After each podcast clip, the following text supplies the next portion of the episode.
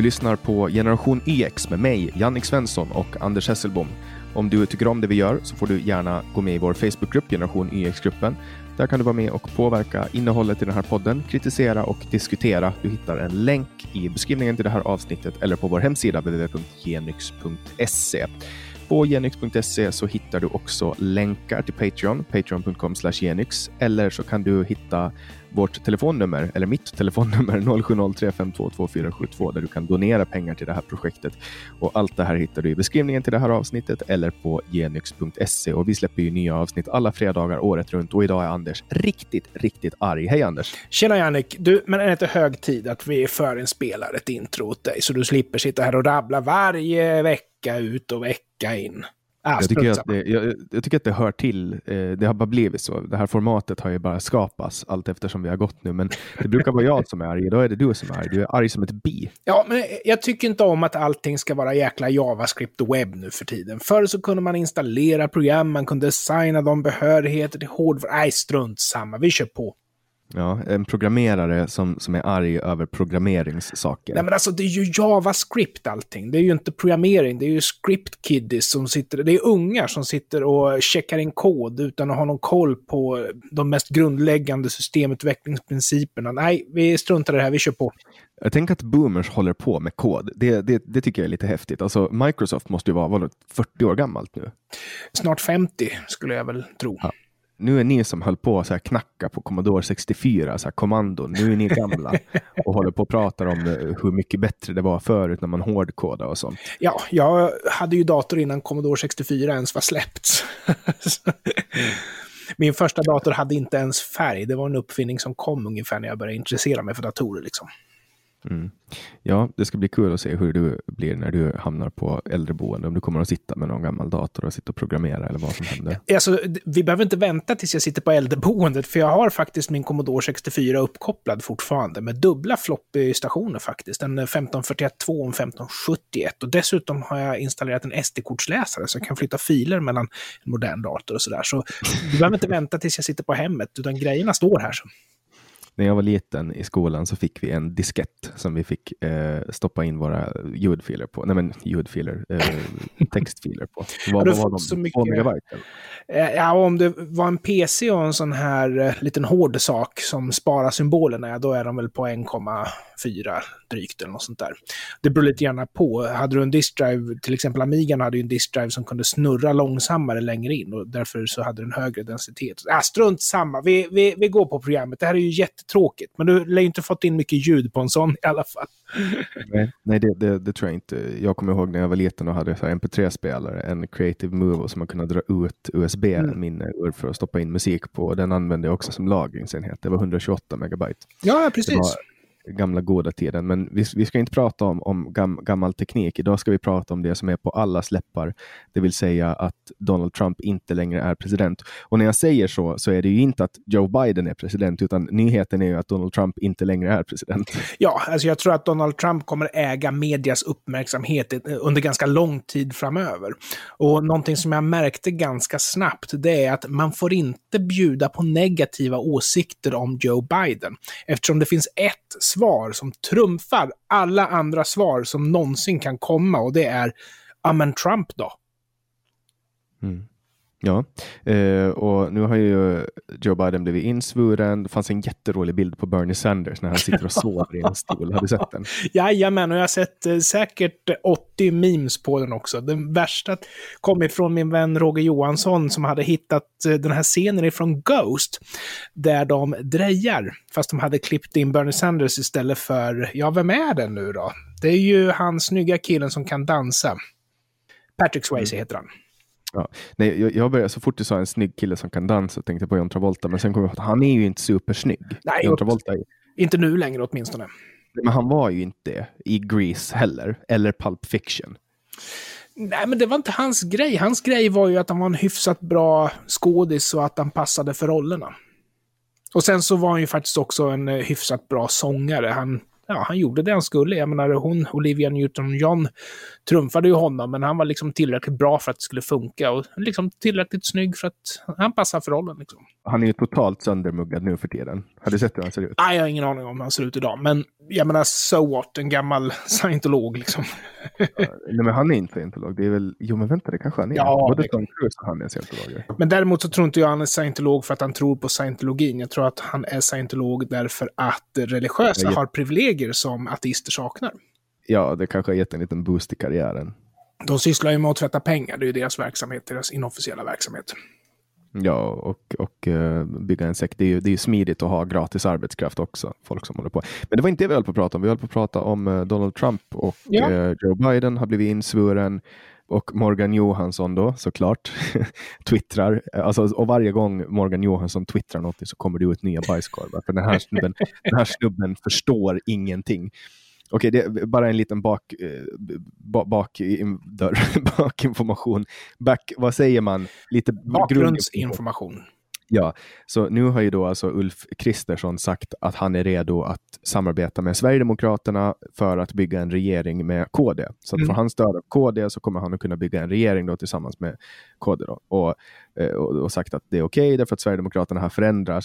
Och då skriver Morgan Johansson så här på Twitter, det här är fan det dummaste jag har läst sedan jag läste hans senaste tweet. Och då var det citat, samma dag som Trump tvingas lämna och Joe Biden svärs in som president i USA så signalerar Ulf Kristersson att han vill gripa makten i Sverige med hjälp av SD. Kan man överhuvudtaget tänka sig en sämre timing? Alltså han använder sig av Mm. citat, gripa makten.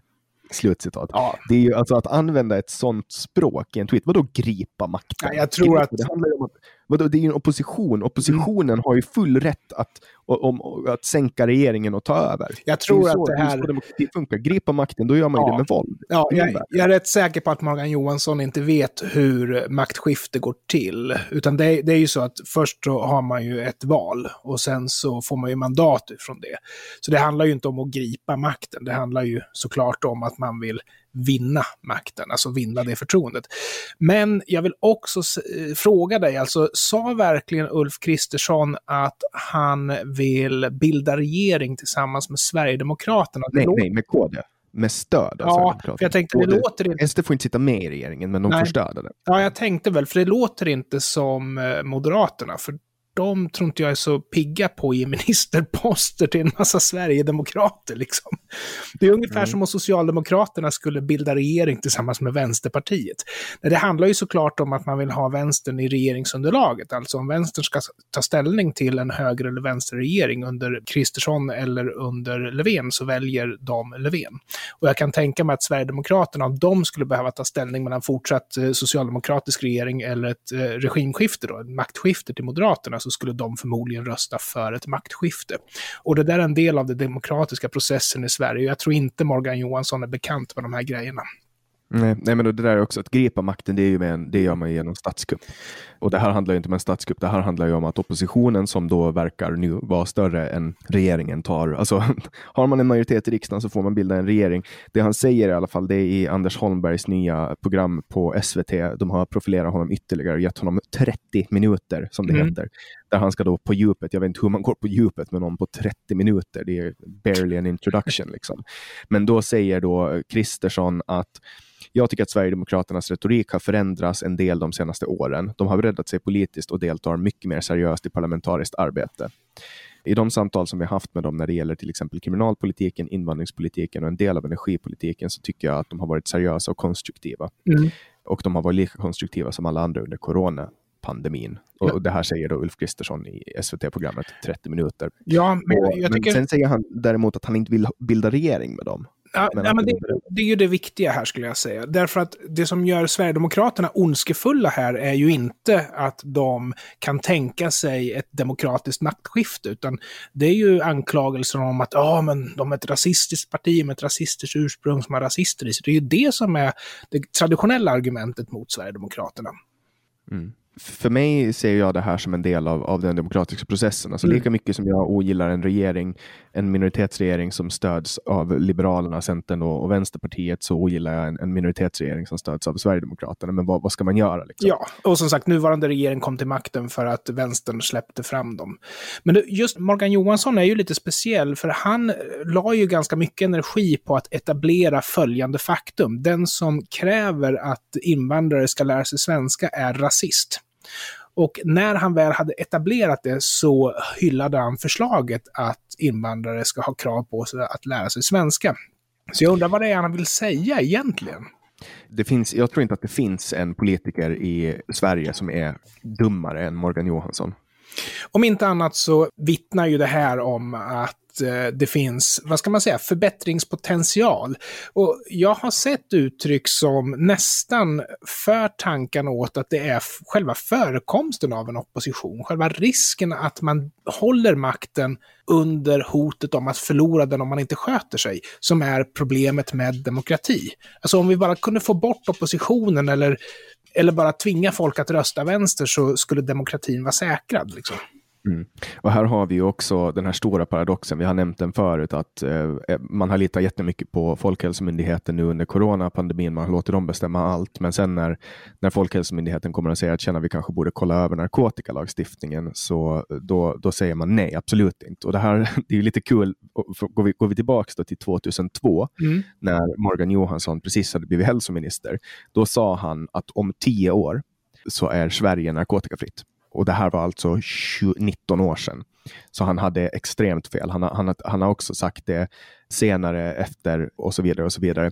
Och det ro, roliga här är att till och med Trump som är ultrakonservativ, mm. om man nu kollar på hans 142 benådningar, de flesta var från narkotikabrott från 60, 70, 80-talet. Ja. Och de har ju helt, alltså deras straff, det kan ju vara så här, 35 år för att du har, har haft lite amfetamin på dig. Ja. Eh, och sånt. Men han, han alltså, Trump har då benådat 142 personer, bland annat rapparen Lil Wayne. Det tyckte jag var lite roligt. Alltså, det här börjar likna Sydamerika i synen på straffsats till narkotika. Men innan vi släpper Morgan Johansson så vill jag bara påpeka att jag såg att Richard Herrey, som är politiker för Moderaterna, han är alltså inte bara eh, artist numera, han påpekar att eh, om regeringen nu klagar på något Moderaterna har infört, då ska man ju komma ihåg att de sitter alltså på sitt sjunde år vid makten. Så säger ju det någonting om den egna handlingskraften, eller hur oerhört svag den egna handlingskraften är. För vi ser ju fortfarande alltså retorik som säger att ja, men om vi, om vi bara får makten en gång till, då ska vi ställa allting till rätta, säger Socialdemokraterna. Jobba nu. Eh, ja, så, men, men det där spelar ingen roll, därför att Socialdemokraterna skyller ändå bara på tidigare borgerliga regeringar. Ja, ja så är det. Alltså, det, spelar ingen, det spelar ingen roll vad som än händer, så, så skyller man på tidigare borgerliga regeringar. Men jag, jag tänker att vi snabbt hoppar tillbaka och så bara avhandlar vi det här med Trumps benådningar. Ja. Nu har ju sen jag kollade in den här listan så har de låst den. Men han, han benådade bland annat Lil Wayne som hade något, han hade någon pistol med sig, något vapen när mm. han får på någon konsert. Och sen uh, har han också då benådat folk som har blivit dömda för brott som har haft med honom att göra. Då Steve Bannon mm. eh, som var chefstrateg som anklagades för bedrägeri då, med, med insamlingskampanjen till Trumps murbygge och, och lite sånt. Men alltså jag, blev, jag blev ganska förbryllad när jag såg de här brotten som folk har begått och straffskalan, hur de är liksom så här, folk kan få 40 år för ett brott som i Sverige är ringa. Men varför vill han eh, till exempel att de här repartisterna ska vara benådade då? Jag tror ju att det bara är så att, han, att det är någon som förbereder benådningsärenden åt honom. Ah, ja, ja. Och, ger honom. Jag tror inte att han sitter och, och, och läser brev från olika fängelser. Jag tror att det är någon som förbereder ärenden och säger att de här, den här människan har fått ett orimligt högt straff. Ja. Funderar på att benåda honom och sen säger han ja eller nej. Men sen tänker jag också att, så här, att, att Lil Wayne det är en jätte, jätte, jättestor världsartist och han kanske menar att det gör bra reklam för USA. Ah. Han kanske omsätter mycket mycket, alltså sådana saker. Ja, för jag tänkte eh. så här, Willis Brian. Ja. Fall him to the floor. ja, men, men, alltså. jag, alltså, jag tänker att att det har med det att göra. Också folk som har suttit väldigt länge, så här, folk som har, eh, äldre människor som var 70-80 års åldern. Det han också benådat. Mm. Men han får ju bara benåda för federala brott, så det är ju så mycket narkotikabrott, mutor, eh, skattebedrägerier och sådana saker. Men det om det. Nu kommer ju då Biden, han har ju redan, eh, han har ju redan kopplat, kopplat tillbaks eh, WHO i bilden och eh, anslutit sig till Parisavtalet. Och nu håller han på och skickar ut eh, president och oj, nu kommer ölen fram också. Ja, det är nummer två. Jag sa ju att jag var förbannad idag. Ja, jag förstår. Jag har lite kaffe här. Nej, men nu, nu ska vi, vi får se vad som händer med Biden, hur länge han lever. Jag tror att han kommer att dö i, i en hjärtinfarkt då, i, av ålder inom ett halvår. Ja, åtminstone så eh. kommer han inte vara president speciellt länge, men då får ju Harris en chans. Och eh, det är ju stort för identitetspolitiker, eftersom det visar ju nu att en kvinna kan bli president och hon är inte ens, jag vet inte vad hon är för ras eller nationalitet, för eh, det där är inte viktiga frågor för mig. Men... Ja, jag vet vad hon är för ras, hon är en mm. människa. Eh, bra sagt, bra sagt. Men... Homo sapiens sapien. Ja, men, men jag är jätteglad om hon skulle bli president, men jag har lite svårt för när det nästan spiller över på planekonomi och sånt där. Jag vet inte om hon är bra för marknaden faktiskt. Inte jag heller, men vem blir vicepresident när hon blir president? Finns det en tredje vice eller väljer hon? Nej, jag kan inte amerikansk politik tillräckligt bra. Mm. Skulle vi prata med Rickard Herrey om egentligen, för eh, han kan ju det här. Ja, jag, har, jag, har haft, jag har länge haft svårt för USA, men det, igår var det jätteroligt. alltså, igår, mm. det här är första gången någonsin som jag har varit med om att hela vänstern har suttit med popcorn och myst för att en högerman har blivit vald till ett ämbete.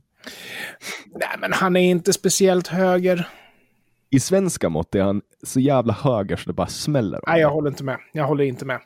Okej, okay, men det, du sa ju just själv att du inte vet så mycket om USA-politik. Nej, men tittar man på individuella frågor så kommer vi kunna hitta exempel på där han är väldigt, väldigt vänster. Men å andra sidan, tittar vi på andra frågor så kommer han ju enligt svenska mått mätt vara väldigt höger. Visst, fine.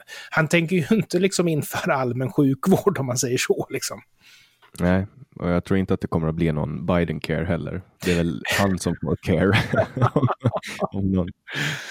Ja, sen har vi en annan grej då som har varit väldigt på tapeten och det var ju att SVT hade en coronautfrågning där de ställde några frågor i alla fall, men de, de frågade ingenting om de läckta e-mailen. Men Nej. De, de, ja, de var inte de, läckta, de var ju uthämtade. Ja, eller uthämtade. Det låter lite, man, Mm. Jag vet inte varför jag säger läkta, men det låter lite mer lite catchigt. Ja, men jag, okay, tror, men... jag tror att du måste läsa dem i en viss kontext. Om det är så att man tar ett individuellt mail och slänger det framför näsan på någon så kan den få en felaktig bild. Men eh, det kräver ju lite researcharbete. Jag tror inte det researcharbetet görs, speciellt inte mot det goda lägret. Vi ska komma ihåg att Sveriges Television har ju etablerat sig som vänster. Det var ett jäkla liv när de släppte fram Hanif Bali att sjunga tillsammans med Strandhäll och sådär. Och eh, Tegnell är ju definitivt en vänstertjänsteman, så är det ju. Mm. Ja, eller Tengele som vissa kallar honom. Ja. Vi har ju närmare 11 000 döda i Sverige nu och eh, man ställer väldigt många frågor i den här SVT-utfrågningen då mm. om strategin. Och nu har ju de då de har ju, man hörde ju klart och tydligt att både Stefan Löfven och Tegnell och, och Hallengren har pratat ihop sig om att de ska förneka det här med flockimmuniteten och det är ganska roligt. Mm. Därför att eh, Alltså Folkhälsomyndigheten hade flockimmunitet som mål. Alla vet det. Alla kommer ihåg det. Men sen, nu förnekar han det. Ja, men jag kommer det... ihåg en artikel från maj 2020, alltså en jättetidig artikel där de säger att flockimmunitet inte är strategin. Jag har också sett honom säga under den här tiden, sommar 2020, att nej, men det var aldrig strategin. Så Anders Tegnell är bestämd med att hävda att flockimmunitet inte är strategin. Okej, okay, men de hade tre enligt samma, eh, samma källa, då, Aftonbladet, så hade de, eh, och det här är en artikel från 5 november 2020, mm.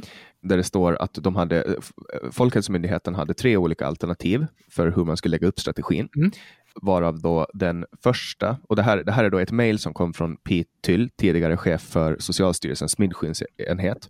Och där skriver Tyll att det finns det fanns tre strategier för att stoppa epidemin. Och det första var total nedstängning av samhället i fyra veckor. Det var ju många mm. som gjorde det. Det andra var att smittspåra i mycket stor omfattning, hitta alla smittade och nära ja. kontakter och sätta dem i två veckors karantän. Och det tredje alternativet var citat, låt smittspridning ske långsamt eller fort för att uppnå en hypotetisk herd immunity. Slutcitat. Mm. Tyll förespråkar alternativ två och poängtera att alternativ tre framstod som en huvudlös strategi. Mm. Eh, men Tegnell har då svarat, jo, vi har vandrat igenom detta och trots allt landat i tre. Men, men nu påstår Tegnell att det här aldrig har hänt och det som vi ser nu, enligt mig, hur jag ser det, och jag vet att det är många där ute som ser det på samma sätt, bland annat Olof Ehrenkrona har pratat mycket om det här, mm. det är att man håller på med historierevisionism. Man har smittat folk och, och det, det stod till och med på FHMs hemsida så sent som igår, och nu pratar vi alltså, nu pratar vi alltså 20 januari, mm. Det övergripande målet med regeringens arbete är att minska takten på smittspridningen, mm. det vill säga att platta till kurvan så att inte väldigt många blir sjuka samtidigt. Ja. Det står ju på regeringens hemsida och det här är ju samma sak. Det här är ju, det här, det här är ju same shit. Varför håller man på så här? Och vet du vad, vet du vad som, som, som jag var mest upprörd över när jag såg det här, Anders? Nej. Den här jävla utgången. Lena Hallengren. Alltså, jag har aldrig någonsin sett en människa som är halare. Hon är som en intvålad jävla ål. Och jag tycker att man borde ändra uttrycket hal som en ål till hal som Hallengren. Mm. För att hon, hon har aldrig gjort något fel. Hon bara skyller på andra. Det är andra människor och hon vill verkligen inte ta ansvar. Hon undviker att svara på frågorna. Jag blev så jävla irriterad på journalisterna på SVT mm. som inte bara fortsatt så här. Om någon ställer en fråga och intervjuobjektet i fråga då försöker slinka undan, då är det ju någonting de försöker dölja. Ja. Konfrontera dem, fortsätt, kör över dem, kräv ett svar. Det var ju för fan en utfrågning. Lena Hallengren gör inte ett bra jobb, det måste jag säga. Anders Tegnell är inte helt ärlig i alla lägen, men eh, Hallengren är dålig direkt. hon är en destruktiv kraft för Sverige. Hon, hon borde, hon borde eh, landsförvisas till... Historierevisionism, så Anders Tegnell säger ju att ingen kunde se att det här skulle bli så allvarligt som det faktiskt blev. Men jag har ju hört en intervju med en av de här 22 forskarna som är så kritiserade, för de är ju inte av regeringen utpekade. Men där fanns det ju faktiskt röster som sa att det här kommer att kunna skena. Ja, de såg det komma. Ja, personligen så är inte jag så förtjust i strategin nedstängning, för en fyra veckors nedstängning, det skulle ju många företag överleva, speciellt om det är så att man hade något slags coronastöd. Och det skulle ju också leda till att sjukdomen blev utrotad. Men vi skulle ju få tillbaka den så fort Dagens Nyheter tar nästa tåg ner till Italien. Liksom. Så... Jo, men sen, då, en månad, en nedstängning på en månad, då, då stoppar du, eller då minskar du antalet dödsfall och så är du en månad närmare vaccinet. Alltså, ja, är sant. Jag har ju alltid förespråkat att man ska ta försiktighetsprincipen och jag lägger jättestor fokus på innovation och jag, tror, jag, är, jag är positiv. Alltså mm. jag, jag sa det redan i början på den här pandemin. Jag är positiv. Jag tror att, det kommer, jag tror att vi kommer att, att kunna lösa det här, men inte om vi håller på och låter samhället rulla på som vanligt. Nej. Alltså statens viktigaste uppgift, enligt mig, är att ta tillvara på våra gemensamma intressen och, och, och hjälpa till att skydda oss och den ska slå med all sin kraft liten kraft, den har liten kraft ska den mm. staten ha enligt mig. Men man ska gå in med allt när det gäller att faktiskt rädda liv. Ja. Och I det här fallet så tycker inte jag att man har, alltså jag, jag fattar inte. Men det där är inte bara enligt dig, det, det är ju så det är. Det är därför vi har en stat. man inte bara säga så här, vi har mm. misslyckats. Mm. Ja. Vi, alltså, vi har misslyckats och så bara lägger de sig platt och så byter de ut Tegnell, byter ut regeringen och så ser de till att folk slutar dö. Ja. det är 11 000 människor i Sverige som har dött, det är för jävligt. Men det där funkar inte i Sverige. Du, alltså du har rätt, men i Sverige har vi ju en lite perverterad bild av det här, för vi vill ju gärna att staten ska vara liksom klanen. Att eh, det ska vara klanledaren, det är regeringen liksom. Och, ja, alltså vi har ju, vi har ju en väldigt konstig syn. Jag, jag tycker det är jättekonstigt bara att det, ska, att, att det ska behöva vara på det här sättet. Mm. Och jag tror ju inte att man nu, som man gör nu, idag sa de ju på, på presskonferensen att de ska öppna upp gymnasieskolorna igen långsamt då, mm. såklart, bara för att de ser en liten nedgång. Men vi är ju fortfarande långt över smittspridningen som det var när man stängde ner skolan. Ja, men... Och, och sen, vad händer om man, om man öppnar upp skolan? Det fortsätter gå upp.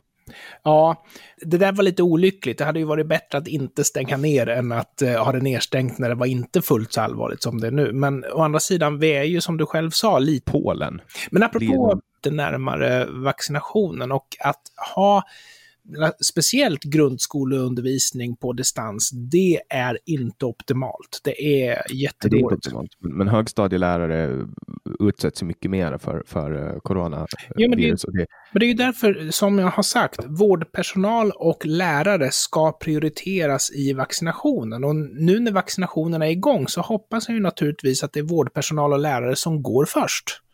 Och som jag har förstått det så är det äldre de ger först. Äldre, Alltså äldre har ju allt att vinna på att vårdpersonalen inte drar in sjukdomen till dem. Så vårdpersonal, även för att skydda de äldre, ska gå först. Mm. Ja, nej, det här med corona kan vi prata hur mycket som eh, helst eh, om. Men eh, Anders Tegnell rätta Nike Nylander två gånger i Aktuellt när hon sa att man smittar som mest två dagar innan man blir sjuk, trots att hon hade rätt och han hade fel. Men det stänger väl i och för sig regeringens hantering av det här. Inte minst Hallengrens. Det var bara det att det var Tegnell som fick företräda den här, här. Vi har rätt. Jo, det har vi. Det är jättekonstigt. Men Löfven säger i alla fall då att han tar fullt ansvar för coronastrategin. Ja, så han avgår? Vad kul! Nej, tyvärr, det är inte så, men de frågar sig vem är ansvarig? Han säger jag är ansvarig, jag är statsminister. Och nu, nu ska man också då börja få böter för 2000 spänn om man bryter mot pandemilagen. Ja. Och det kan man ju undra om är bra eller dåligt. Är det undantagslag eller vad går det som? Det är en ny tillfällig pandemilag. Mm. Det är en tillfällig lag. Eh, man har inte satt någon föreskrift hur det kommer att vara, men, men eh, man kommer att från 15 så kan man straffas och, eh, och man riskerar böter om för många människor samlas. Mm. Så att, och den här, det här börjar gälla då den 27 januari. Ja, det var tur att Löfven han fixa sina ärenden i gallerian. Ja, innan 27, för vad kul det skulle vara om han skulle ha fått böter för det. Det skulle vara så jävla roligt. Fast jag tror inte han är bötfällningsbar. Det är väl så att statschefen är väl immun. Då är han ju inte statschef. Nej, just det. Men statschefen eller eventuell socialdemokratisk minister är väl immun mot straff, är det inte så? enligt lag i alltså, Sverige. Kungen, är ju, kungen är ju statschef i Sverige, men, men jag vet inte om han är immun mot brott. Han kan väl också åtalas, eller? Jag tror att det är vissa speciella brott bara, men eh, jag tror också att i just Sverige så inkluderas eventuella socialdemokratiska ministrar i det här skyddet. Antagligen. Mm, antagligen, det skulle inte förvåna mig. Eh, jag vet inte, har kungen fortfarande makt att benåda? Nej, det har han inte. Eh, man brukar ju lite skämtsamt säga i Sverige att kungen inte har någon eh, formell makt. Och det är inte riktigt sant. För han kan alltså inte ge direktiv till personer att nu ska vi göra så här och nu ska vi göra så här. Men det han kan göra, han är ju den enda personen i hela landet som har, även i modern tid, tillsatt eller tagit bort eh, grundlagar. För om det ska gå via den demokratiska processen så tar det ju två mandatperioder innan man har ändrat på en grundlag. Men kungen kan alltså göra det här direkt. Men jag tror inte det är enligt vårt statsskick, utan jag tror att det är enligt vi frågar kungen och ser vad som händer. Liksom. Mm. Och det, det, är klart, det betyder väl kanske att han inte har någon formell makt, men han har ju de facto makt i regeringsformen kapitel 5, eh, paragraf 8, så står det konungen eller drottning som är statschef kan inte åtalas för sina gärningar. Nej, och förmodligen inte Löfven heller. Den straffrättsliga immunitet gäller alla brott från felparkering till mord.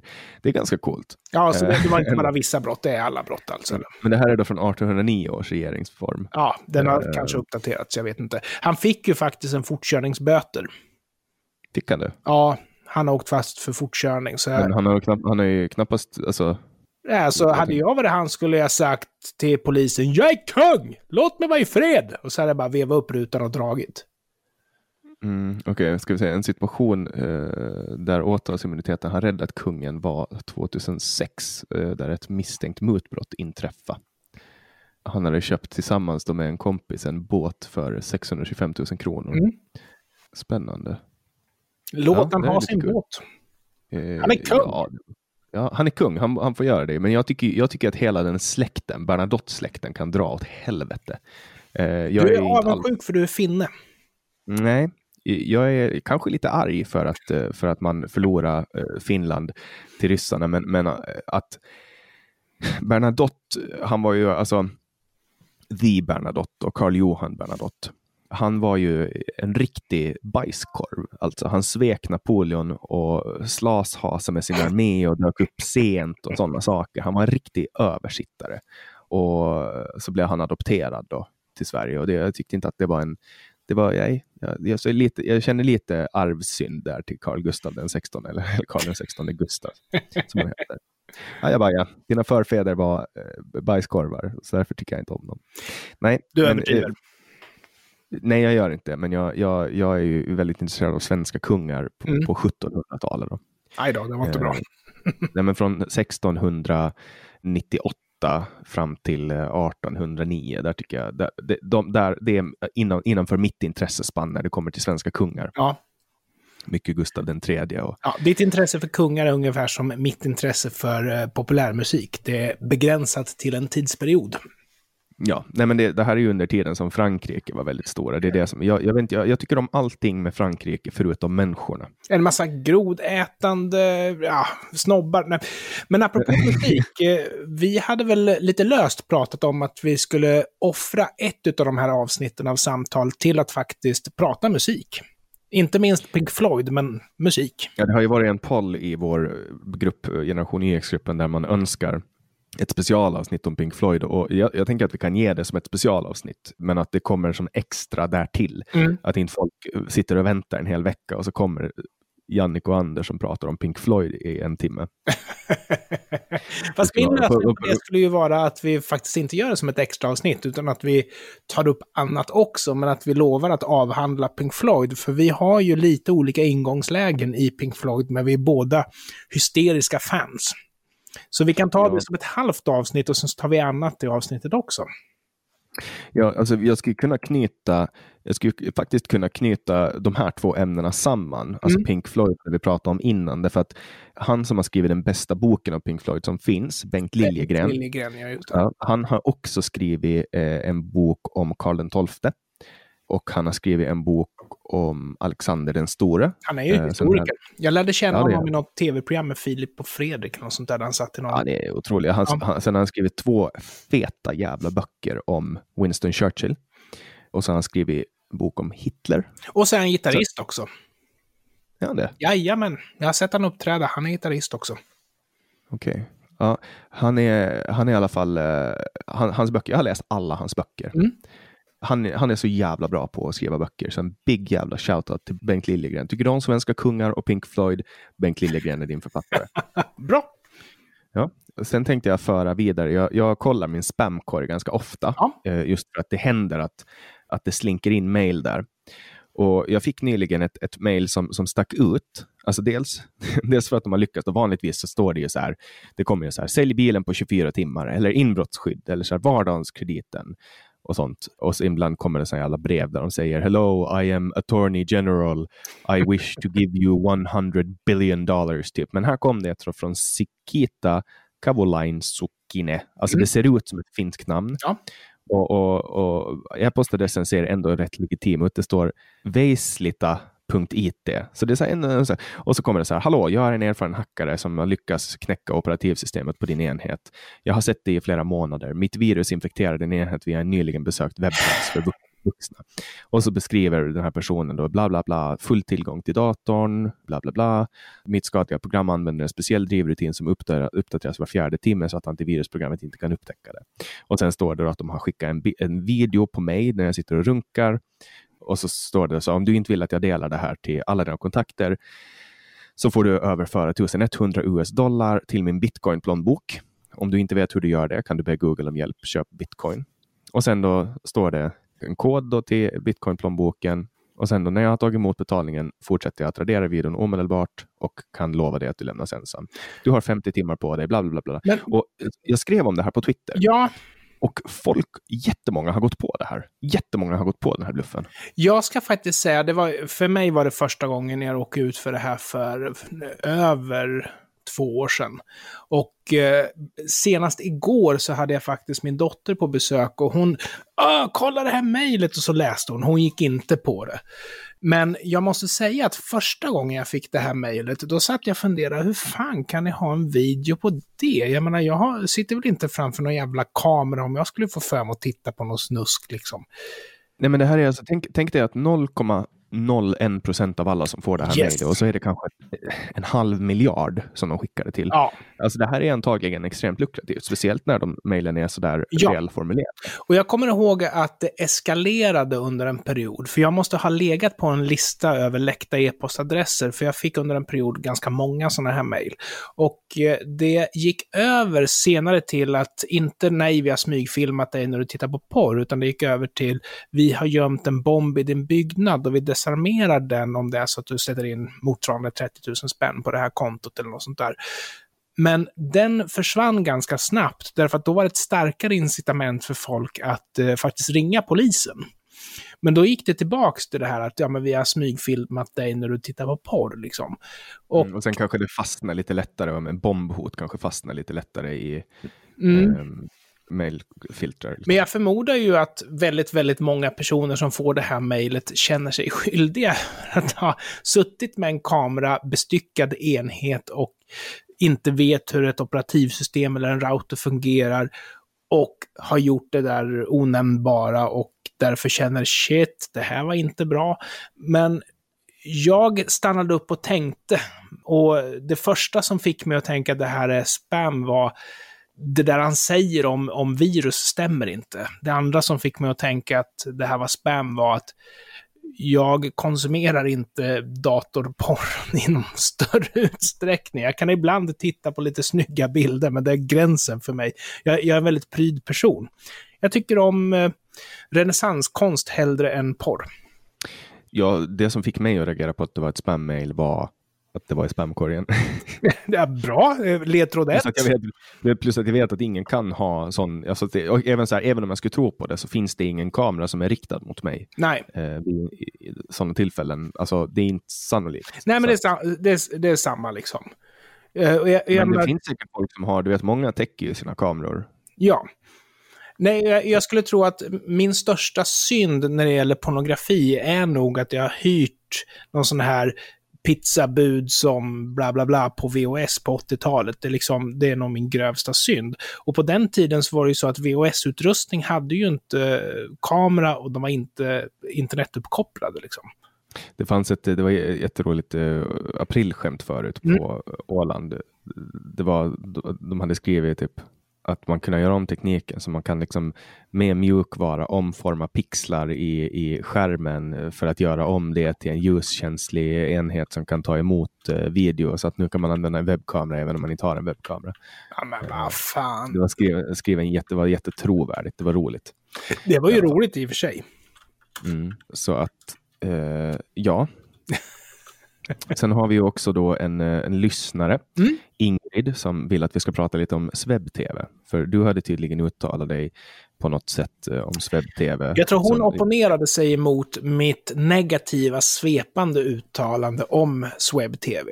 Och eh, jag har ju kollat på några av de filmerna innan de blev på ropet för att de blev avstängda från YouTube. För det, det här är alltså en kanal som har lagt ut nyhetsinslag och sånt där som YouTube bara tröttnade på och stängde av för mig är ju det en trigger för att det här är någonting som är intressant eftersom yttrandefrihet är en av mina absolut viktigaste frågor som jag brinner för. Och jag tänker att vi ska prata lite grann om det i nästa avsnitt. I och med att vi befinner oss i en ganska konstig situation i Sverige när det gäller yttrandefriheten. Men eh, jag var intresserad av webb-tv redan innan för att jag tyckte att de sa så konstiga saker. Och de här ligger du vet att det finns ju grader när det gäller konspirationsteorier. Och antingen så är det liksom kvällspressen som hittar på någonting som ska säljas, som ska låta smaskigt, ända fram till David Ike som säger att regeringen är rymdödlor. Swebb-TV ligger någonstans mitt emellan. För de sväljer konspirationsteorier, sammansvärjningar om att folk jobbar emot dem eller emot befolkningen. Och för mig är det här harmlöst, därför att för mig är det en del av det man får på köpet när man lever i ett land som har yttrandefrihet. Och det bästa försvaret mot sånt här, det är att andra gör som SwebTV, det vill säga publicerar sina videos och ger sina svar på det som SwebTV påstår. Och det kommer ju också påverka när man sen söker efter de här ämnena, att då har du påståenden och kritik mot påståenden i sökresultaten.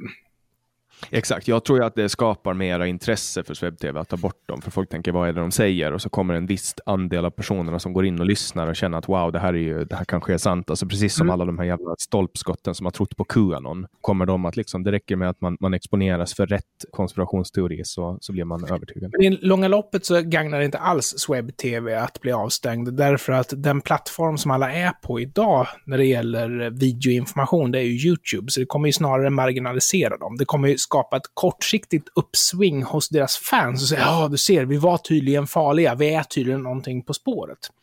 Men jag anser ju att ett påstående ska få spridas hur felaktigt det än är.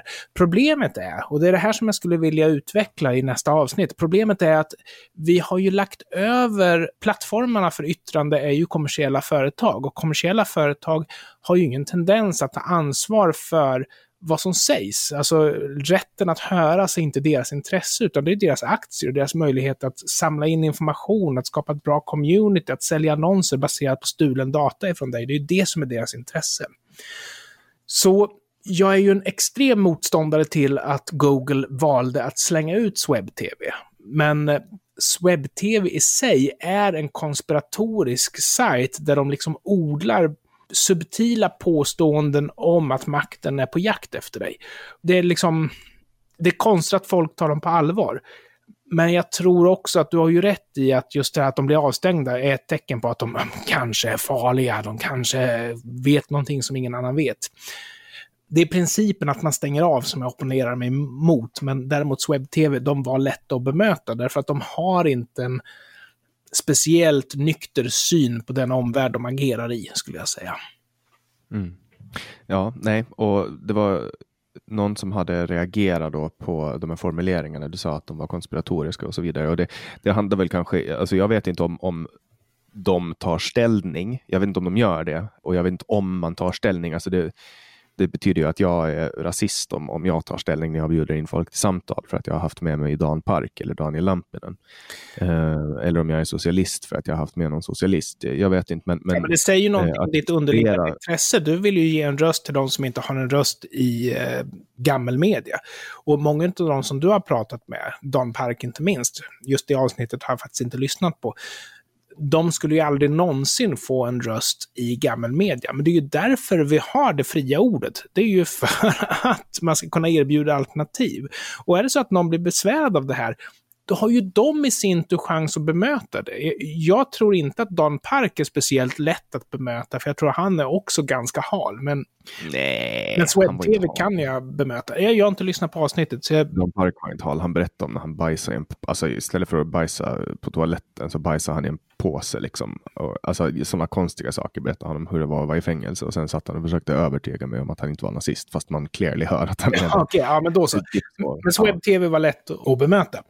Ja, men jag tänker så här, är det så att de bjuder in folk för att diskutera det de anser att är alternativa sanningar? Alltså, ah, jag vet inte, det är en jävligt svår fråga, men, men eh, jag tänker att det finns ju massa annat på Youtube som finns kvar. Men, ja, men Det skulle vara kul att se, de behöver, de har ingen skyldighet att formulera varför, men det skulle vara kul att veta vilket påstående, vad det som har gjort att de har valt att radera dem totalt. Det är ju ganska lätt att gissa på att det handlar om communityns välmående, eftersom communityn är ganska känslig mot kritik. Alltså, vi vet ju på grund av Morgan Johansson att han inte liksom vet vad som är upp eller ner på någonting i en demokrati, så det är klart att kritik mot honom är känsligt. Alltså jag tror att en vänstergrej, det här att kritik är farligt.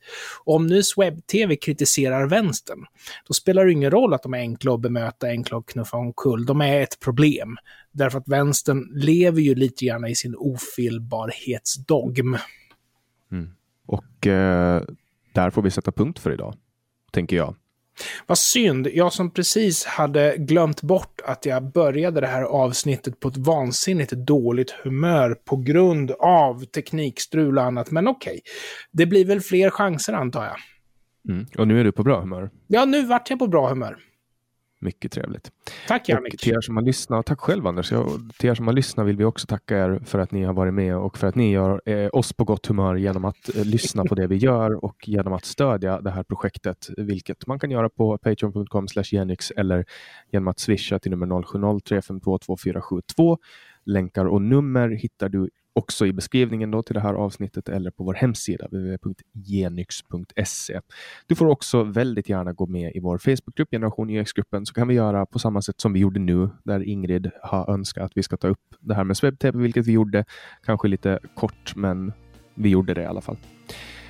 Ja, tack för idag Anders. Tack så mycket. Vi hörs om en vecka. Du måste säga hej då. Okej, okay, jag gör det först alltså.